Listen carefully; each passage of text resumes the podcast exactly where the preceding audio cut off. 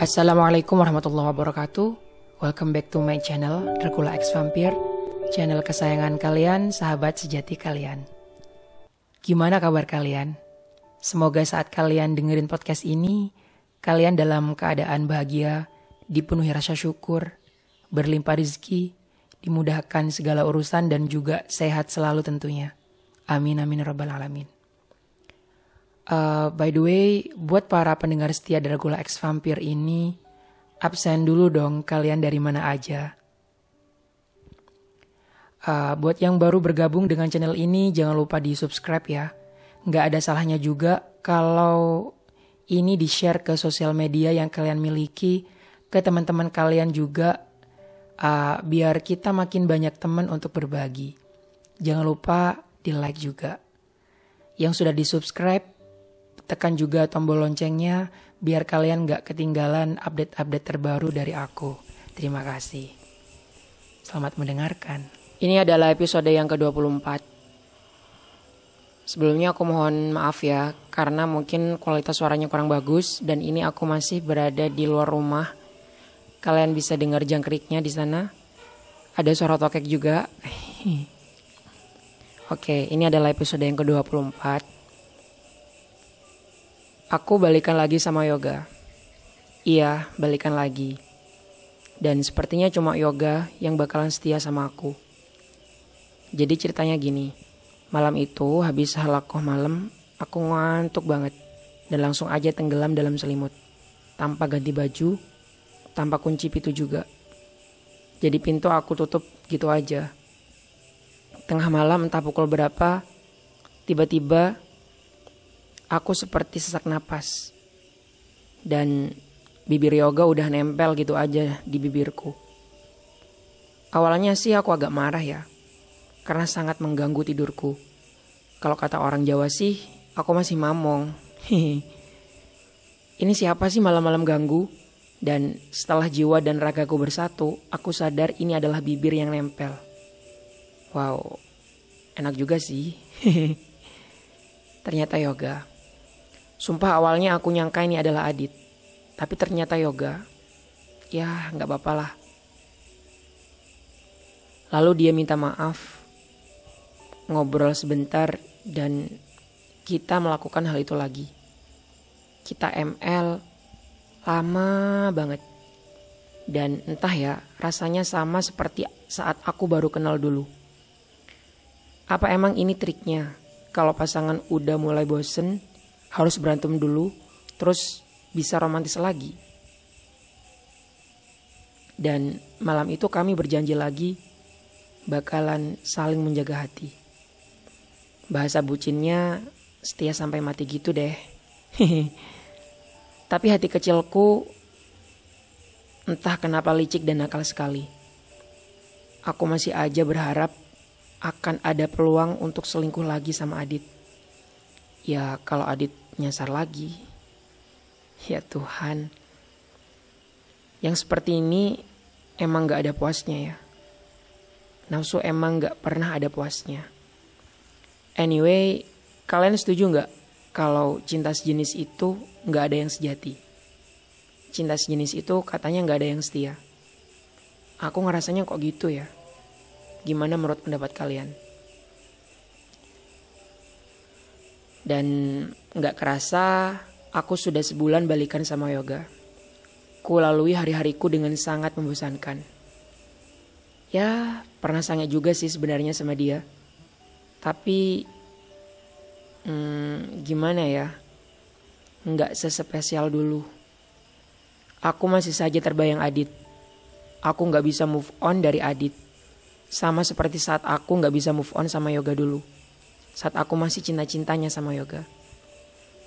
Kenapa aku yakin sekali ya kalau sebenarnya Adit juga merasakan hal yang sama. Tapi karena dia itu licik, ya dia rela meninggalkan aku begitu saja. Tapi bagaimanapun aku harus tetap menghargai perasaan yoga. Aku tahu gimana rasanya dihianati. Sudah cukup terbalaskanlah dendamku sama yoga yang dulu itu udah cukup. Aku nggak pernah berantem lagi sama yoga. Ya gini-gini aja. Hidupku datar-datar aja.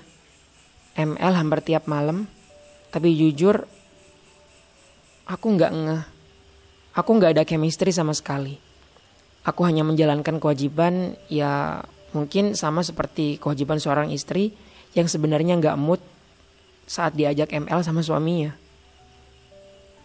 Sedangkan yoga, ya ampun, asal kamu tahu ya, dia itu hyper banget. Kadang semalam dia naik tiga kali loh. Oh my god. Dan keesokan harinya dia biasa aja pas berangkat ke sekolah.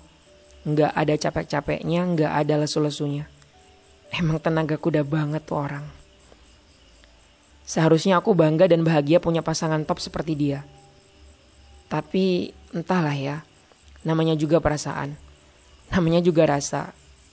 Kata kecap bango, karena rasa gak pernah bohong. Bener gak? Uh, anyway, kalau kamu pilih, kalau kamu boleh milih, kamu pilih yang mana? Dicintai apa mencintai? Jawab dong. Terus di kolom komentar dong. Kalau aku lebih milih mencintai. Karena buat aku mencintai itu akan memberi kita energi. Cinta itu akan memberi gairah. Mencintai itu hanya dengan memikirkan orang yang kita kita cintai saja kita akan bahagia. Kita akan senyum-senyum sendiri. Sedangkan kalau kita dicintai oleh orang yang tidak kita cintai, hmm, it was very bored sangat membosankan, bahkan kadang risih. Tapi aku sekarang lagi berusaha dan akan terus berusaha mencintai yoga. Mencintai yoga yang udah tulus banget sama aku. Dan aku bisa ngerasain banget kalau yoga emang bener-bener sayang sama aku. Bahkan tiap kali aku jajan selalu dibayarin. Pas di kantin selalu traktir. Apa yang menjadi miliknya adalah milikku juga. Kadang aku sampai nggak enak sendiri. Sebenarnya ini udah relationship goals banget ya. Tapi yang namanya manusia dan nafsu ya emang nggak akan pernah ada puasnya. Lalu bagaimana dengan Adit? Sepertinya sekarang dia itu sibuk banget. Dia bentar lagi ujian nasional. Dan jujur, Mengingat Adit yang bentar lagi ujian nasional yang hanya pakai hitungan jari, aku jadi galau sendiri. Itu artinya aku bakalan jauh dari dia. Itu artinya aku bakalan benar-benar kehilangan dia. Itu artinya aku nggak bisa nyuri-nyuri pandang lagi. Ya Tuhan, kenapa tiba-tiba aku sedih sekali ya?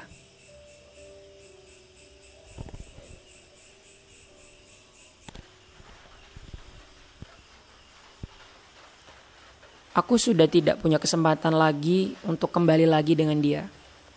Tidak ada kesempatan selingkuh lagi sama dia. Sementara dia cueknya minta ampun. Atau lebih tepatnya bisa dibilang sok cuek banget.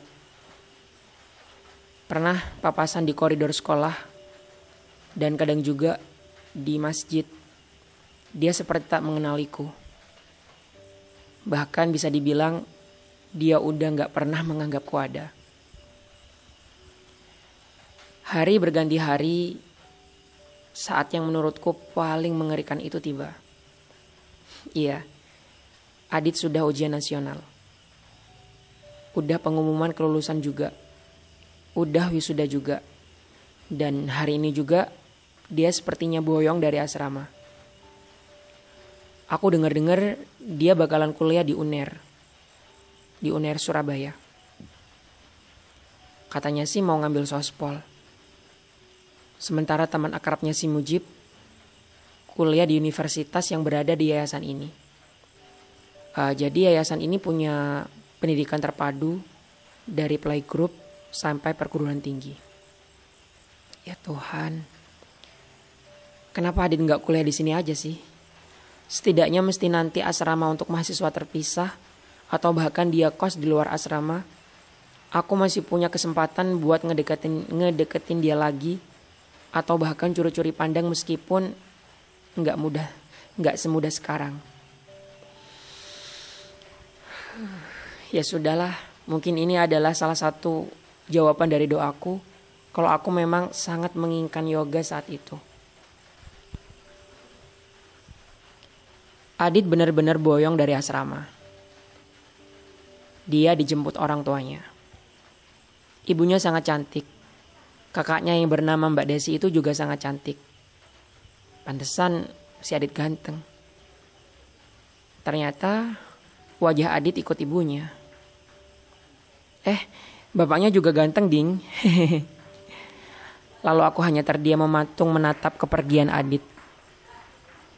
Adit masuk Fortuner warna hitam itu setelah memasukkan koper dan kardus yang sepertinya buku-bukunya ke dalam bagasi. Lalu aku menatap Fortuner hitam itu yang makin lama makin mengecil di lapangan asrama. Iya, Adit benar-benar pergi. Seminggu setelah anak kelas 3 SMA dan Boyong Kini giliran adik kelas yang liburan. Tahu nggak? Semalam yoga melampiaskan semuanya. Hmm, maksudku dia puas-puasin ML sama aku. Karena tar lagi dua minggu liburan bakalan nggak ketemu. Karena udah pasti kan rumah kami jauh. Rumahku di Jawa Timur. Ah, yoga di Jawa Timur juga sih, tapi kan yang jelas rumahku dan yoga jauh. Jadi tadi malam itu dipuas-puasin deh. Dia naik tiga kali guys. Ya ampun. Tau nggak? Bibirku juga sampai capek banget karena sering dilumat dan dia berkali-kali minta di oral. Belum lagi kalau Oke deh, aku nggak akan jelasin yang sedetail-detailnya. Ampun Bang Jago. Yang jelas capeknya minta ampun dia emang gak ada tanding kalau disuruh ML gengs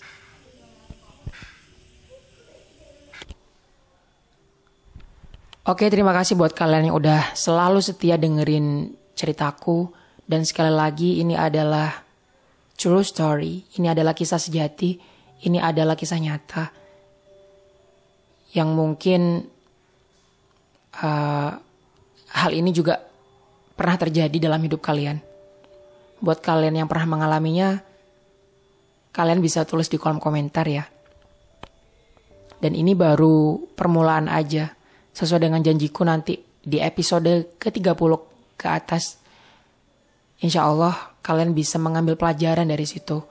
Dan ya pokoknya intinya kalian terus subscribe channel ini. Kalian tekan tombol loncengnya biar kalian gak ketinggalan update-update terbaru dari aku. Dan mau banget kalau ini di-share ke semua sosial media yang kalian miliki. Terima kasih. Semoga kalian selalu dalam lindungan Allah. Semoga kalian selalu dalam uh, lindungan Allah dengan banyak rizki, dengan uh, dipenuhi rasa syukur. Oke, terima kasih. Wassalamualaikum warahmatullahi wabarakatuh.